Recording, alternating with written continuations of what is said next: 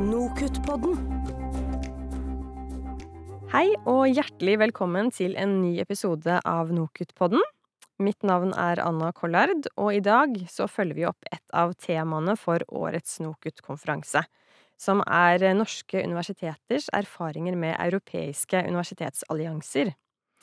Og med meg i studio har jeg podkollega Inger Lise Kalviknes Bore. Og Inger Lise, hva mer konkret er det vi skal snakke om i dag? Jo, i dag skal vi få høre om hvordan Universitetet i Stavanger jobber med utfordringsbasert læring i The European Consortium of Innovative Universities, ECIU for kort. Ja, dette er et kjempespennende opplegg, og vi har fått med oss to gjester fra UiS. Tatjana Jakovleva, som er professor ved Handelshøyskolen ved Universitetet i Stavanger. Velkommen til deg. Hei, hei. Og Mathias Kvia, som er masterstudent ved et studieprogram i miljø- og energipolitikk. Velkommen til deg. Takker, takker. Eh, Tatjana, eh, kanskje vi kan begynne med at du forteller litt kort om ECIU? Eh, hvor lenge dere har vært med der, og hva dette samarbeidet dreier seg om? Ja, faktisk, eh, nettverket sjøl er nesten 25 år gammel, så eh, Men eh, Og Universitetet i Stavanger var en del av dette nettverket siden 2012, så vi hadde mange kjekke samarbeidsprosjekter og sånn. Men i 2019 vi fikk finansiering fra JEO, og da blir det et offisielt allians. Eh, som også selvfølgelig ga oss nye muligheter for å gjøre mye mer enn enn før. Ehm, ja, og uh, det er litt kjekt uh, med dette alliansen, fordi vi har uh, 13 universiteter i Europa eh, som er eh, medlemmer i, i det, pluss eh, en assosiert fra Mexico. Og det felles med disse universitetene, er jo at de alle relativt unge, innovative universiteter som har satsing på regionalt samarbeid og løse regionale problemer og forskningsbasert læring i tillegg. Så um, vi hadde flere EU-finansierte prosjekter gjennom dette nettverket. Vi hadde felles prosjekt f.eks. på ph.d.-program, hvor vi hadde nesten åtte ph.d.-studenter på tvers av flere universiteter som fikk utdannelse. Og vi har f.eks. den utfordringsbasert læring nå, som uh, booster um, ja, forskningsbasert læring på tvers av disse universitetene. Ja, ikke sant. Og så dere samarbeider da om utfordringsbasert læring nå, og kan du fortelle litt mer om hva det er? Ja, eh, ganske enkelt. Eh, dette er et metode, hvis eh, dere vil, eh, som tar utgangspunkt i utfordringen fra arbeidslivet. Og da både studenter og lærere og selve næringslivet, eller det kan være både offentlig og privat sektor egentlig, kan jobbe sammen i sånne teams for å løse disse utfordringer. Så for eksempel, jeg kjører et kurs på mitt fagfelt som heter innovasjon, og management of innovation. Og vi har bedrifter som har um, utfordringer som er relatert til um, dette fagfeltet. F.eks. hvordan en bedrift skal bygge innovasjonskultur, eller hvordan de skal uh, finne nye produkter eller tjenester som er etterspurt i markedet. Og da uh, kobler vi våre studenter som skal jobbe i grupper, til denne bedriften. Så sammen de først klargjør uh, hva problemstillingen er, og, dette er den første fasen i utfordringsbasert læring, er jo den heter engage. Så da må man definere problemstillingen sammen med bedrift eller næringsaktør eller offentlig sektor. Aktør, og så skal studentene jobbe ganske selvstendig. De må samle masse data og fakta for å utforske denne utfordringen på forskjellige måter. Og dette er jo eh, noe som eh, vi kaller investigate-fasen. Eh, og det er kanskje den lengste fasen og den viktigste. Så de må analysere, samle data, analysere, reflektere. Og så den siste fase heter ACT på engelsk, og da kommer de med forslag på løsningen av denne utfordringen. Selvfølgelig bedriften er med i denne prosessen, og de kan jo bestemme videre om de vil ta den beslutningen, eller de vil modifisere. Men, eh, men poenget er at det kommer et konkret forslag til å løse et konkret problem eh, som er gjerne relevant for regionen eller for organisasjonen i regionen. Eh, ja, det tror jeg i essensen det er det som utfordringsbasert læring er. Ja. Det Mm. høres skikkelig gøy ut, rett og slett. Ehm, og da er det sånn at man da jobber i tverrfaglige internasjonale team, da, har jeg skjønt. Ehm, og du, Mathias, du har jo vært med på en sånn eh, type utfordring. Kan du fortelle litt mer om den utfordringen du jobba med, og hvordan det foregikk? Ja, det var ei lita uke i starten av oktober i fjor. Eh, da var Vi fikk besøk av et par studenter fra utlandet, og så hadde vi jo selvfølgelig internasjonale studenter her på universitetet som var eh, med fra før, skulle jeg til å si. Eh, så vi fikk oppgaven om å prøve å gjøre universitetet grønnere. Altså hva ting er det vi kan gjøre for å gjøre UiS grønnere, da? Det var tittelen på, på challengen vår, altså. Eh, så først brukte vi litt tid på å bli kjent med hverandre og bygge litt sånn team spirit og sånn, skulle jeg til å si. Og så eh, ble vi delt i litt mindre grupper, der vi kunne gå og se litt rundt på universitetet, og så velge en spesifikk plass som vi hadde lyst til å videre ja, investigate da, for å se hva kan vi gjøre her. Så min personlige gruppe vi endte opp med å se på kantina i det ene bygget. Eh, og der først brukte vi en stund på å gå og kikke litt rundt, intervjue de som jobbet der, noen av de som spiste der ofte, og høre hva de syns om ting, da. Eh, så gikk vi tilbake, og så tenkte vi litt. og så endte vi opp med å komme opp med et par eh, løsninger som vi håpte at eh, kunne være med på å gjøre universitetet litt grønnere. Så gikk vi og presenterte dette foran ei gruppe av ja, høytravende folk her på universitetet. Så ja, kan det være de plukker opp på noe av det vi sa. Ja. Spennende. Så da var det to uker eh, denne her varte, da. Og så fikk dere noen Nei, studier det var ei lita uke. Ja. Altså, jeg tror, tror det var fire dager vi holdt på. Ja. Det, det var en eh, Det gikk fort for seg, men eh, jeg følte vi fikk utretta ganske mye på den tida i forhold til eh, hva du kanskje kunne utretta med klassisk undervisning, da. Mm. Eh, så her var det fysisk i en uke, og så er det sikkert noen andre som er over lengre tid, har jeg skjønt, og er digitale Ja, og sånt. Mm. Det, det kan godt være, men det foregikk iallfall i ei, ei uke cirka på universitetet her fysisk. Ja. Spennende. Eh, Tatjana, du nevnte tidligere at eh, du har brukt eh, elementer av utfordringsbasert læring i dine egne kurs i entreprenørskap. Eh, Kan du fortelle litt om hva det var som gjorde at du hadde lyst til å, å ta denne metoden i bruk? Ja, selvfølgelig. Så jeg, eh, per i dag jeg bruker det i, i to forskjellige kurser. Det ene er den som jeg eh, på en måte ga eksempler av. Det som går på innovasjon, og hvor vi samarbeider med eksisterende bedrifter.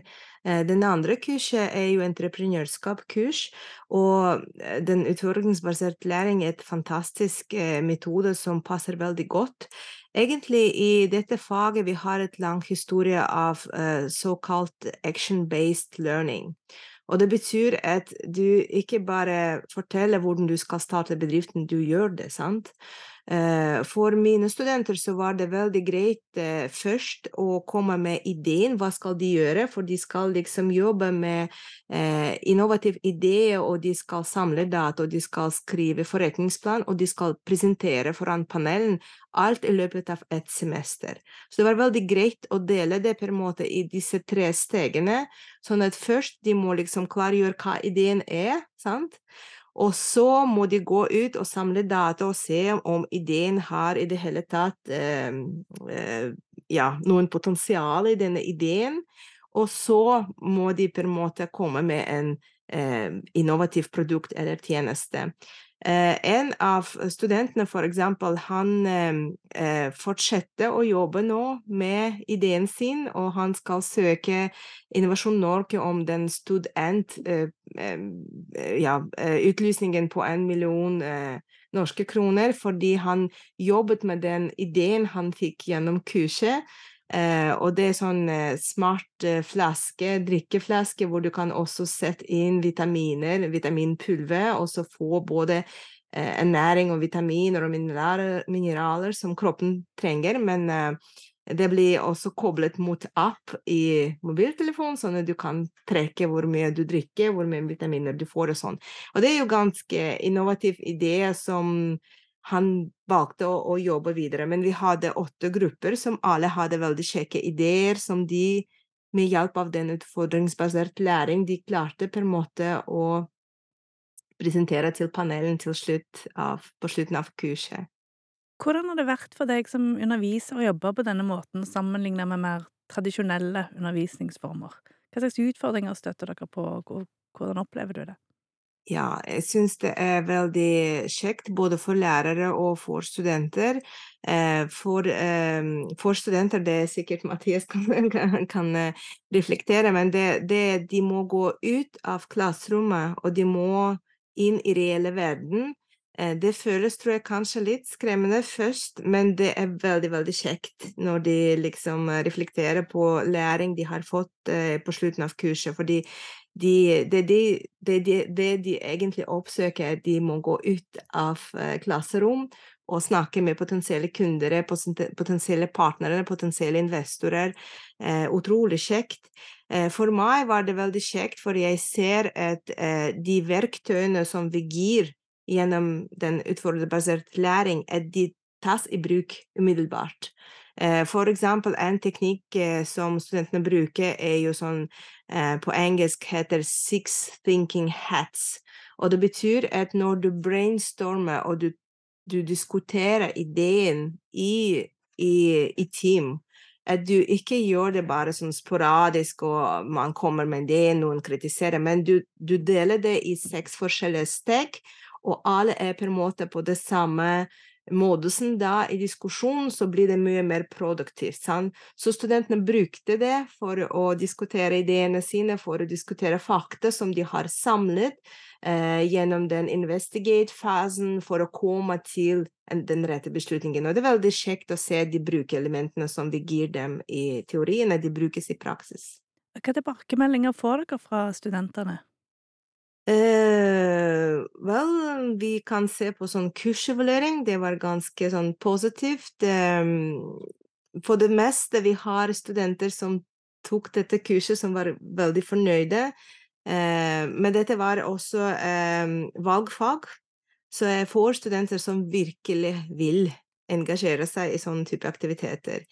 Eh, det kan være at dette er ikke teknikk for absolutt alle. For noen liker å på en måte være litt tilbakestillende og få informasjon. Eh, mens dette her jo er jo en veldig aktiv eh, måte for å involvere studenter i undervisning, for å reflektere og ta i bruk verktøy. Så det, det krever litt innsats òg. Jeg vet ikke, Mathias, om du har noen synspunkter om det? Ja, selvfølgelig så krever det jo uh, innsats fra alle.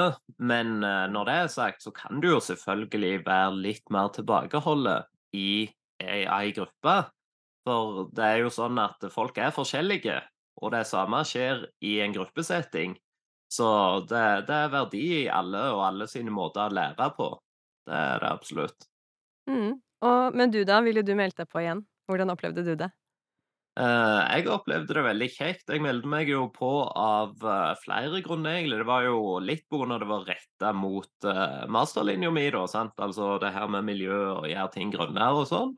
og òg fordi det var et internasjonalt samarbeid. Jeg syns alltid det er kjekt å høre fra folk rundt andre plasser i verden og se hvordan de gjør ting. og ja, Uh, og så virker det jo bare sånn generelt som en spennende ting, noe nytt. altså, sant? Dette var en ny måte å finne ut av noe på. og jeg er jo, altså, jeg går jo på en mastergrad, så jeg liker å lære ting. Så da hadde jeg lyst til å lære litt om dette òg.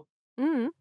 Og, og, så fikk dere da en sånn autentisk utfordring. Hvordan syns du det var å jobbe med det? Altså noen som faktisk forventet uh, en løsning på et problem de har? Ja, jeg syns det var egentlig veldig kjekt. Det, jo, det, står jo i kontrast til den klassiske undervisningen, tenker jeg. For der, altså, der, får du kanskje en oppgave at uh, ja, skriv 500 ord om dette, og så lever det om to uker, eller, eller, noe sånt. Men her er det liksom OK, du har et par dager på deg til å faktisk finne ut noe som har en mer reell påvirkning på verden. Altså du kan faktisk se eh, hvordan dette her påvirker noe annet enn at eh, professoren din skal lese de 500 ordene som du kom på, da. Så eh, det syns jeg var det kjekkeste, at vi fikk gå ut og ja, sånn som Tatjana sier, oppleve verden litt sant, utenfor klasserommet. Mm. Og så sa du i stad det at uh, du syntes det var spennende å jobbe i disse tverrfaglige timene. Vil du si noe mer om hvordan det fungerte? Uh, jeg syns det fungerte veldig greit. Vi hadde medlemmer ifra, I min uh, personlige gruppe da, så hadde vi jo medlemmer fra Eh, flere forskjellige land, bl.a. Eh, Russland og Iran. Og det er jo land som har vært litt i eh, mediebildet i det siste året. Men det fungerer helt fint for det.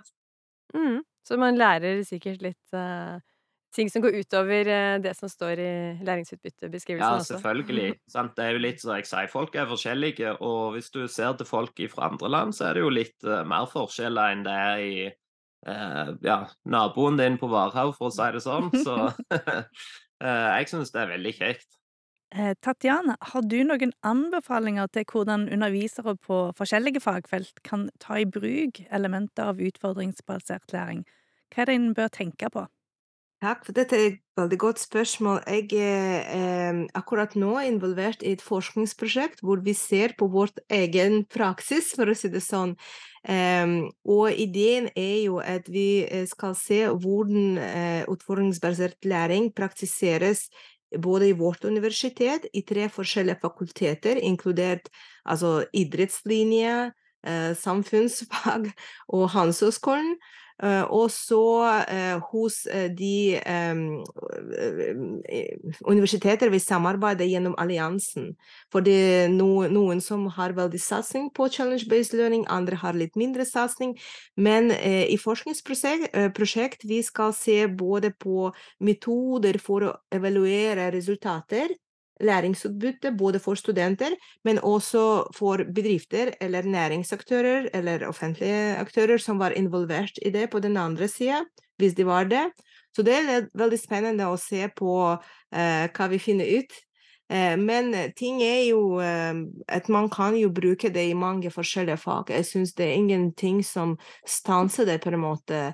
Det kan være litt mer i sånn matematikk, kanskje, tenker jeg, men, men, men til og med sånn sciences jeg, jeg, kan tenke man kan ta utgangspunkt i reelle utfordringer. Det kan være samfunnsutfordringer, sant. Det er mange vi står foran.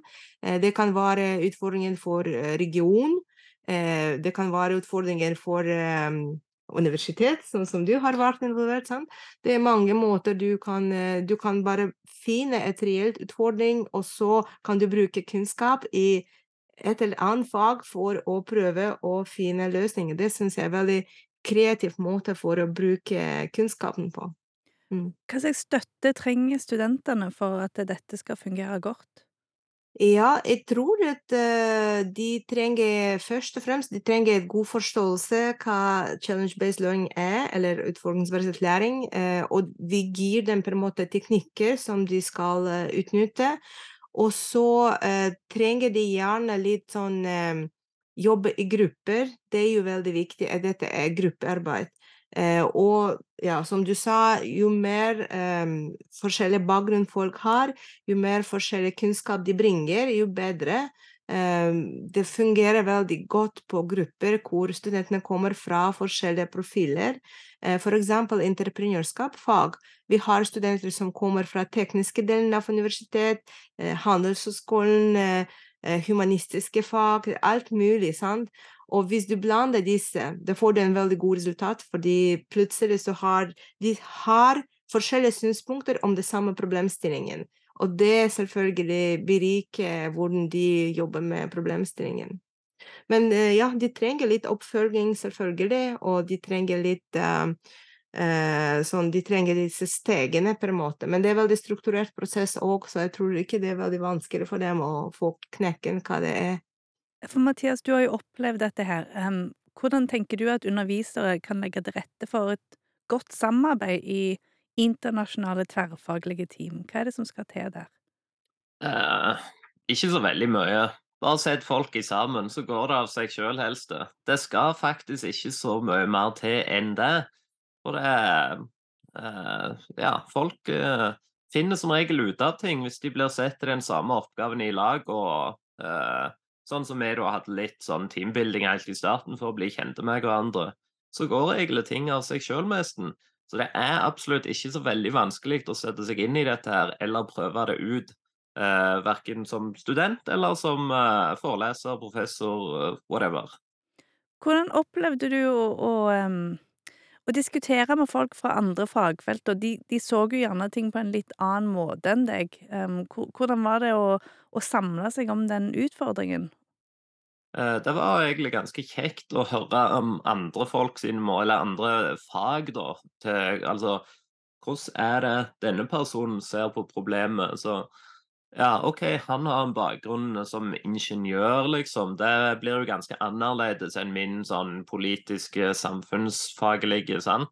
For han er mer liksom I dette tilfellet så var det en, eh, en eh, mann, da. Så han eh, tenkte jo OK, vi ser direkte på de fysiske problemene her, liksom, og hvordan kan vi løse det sånn veldig spesifikt.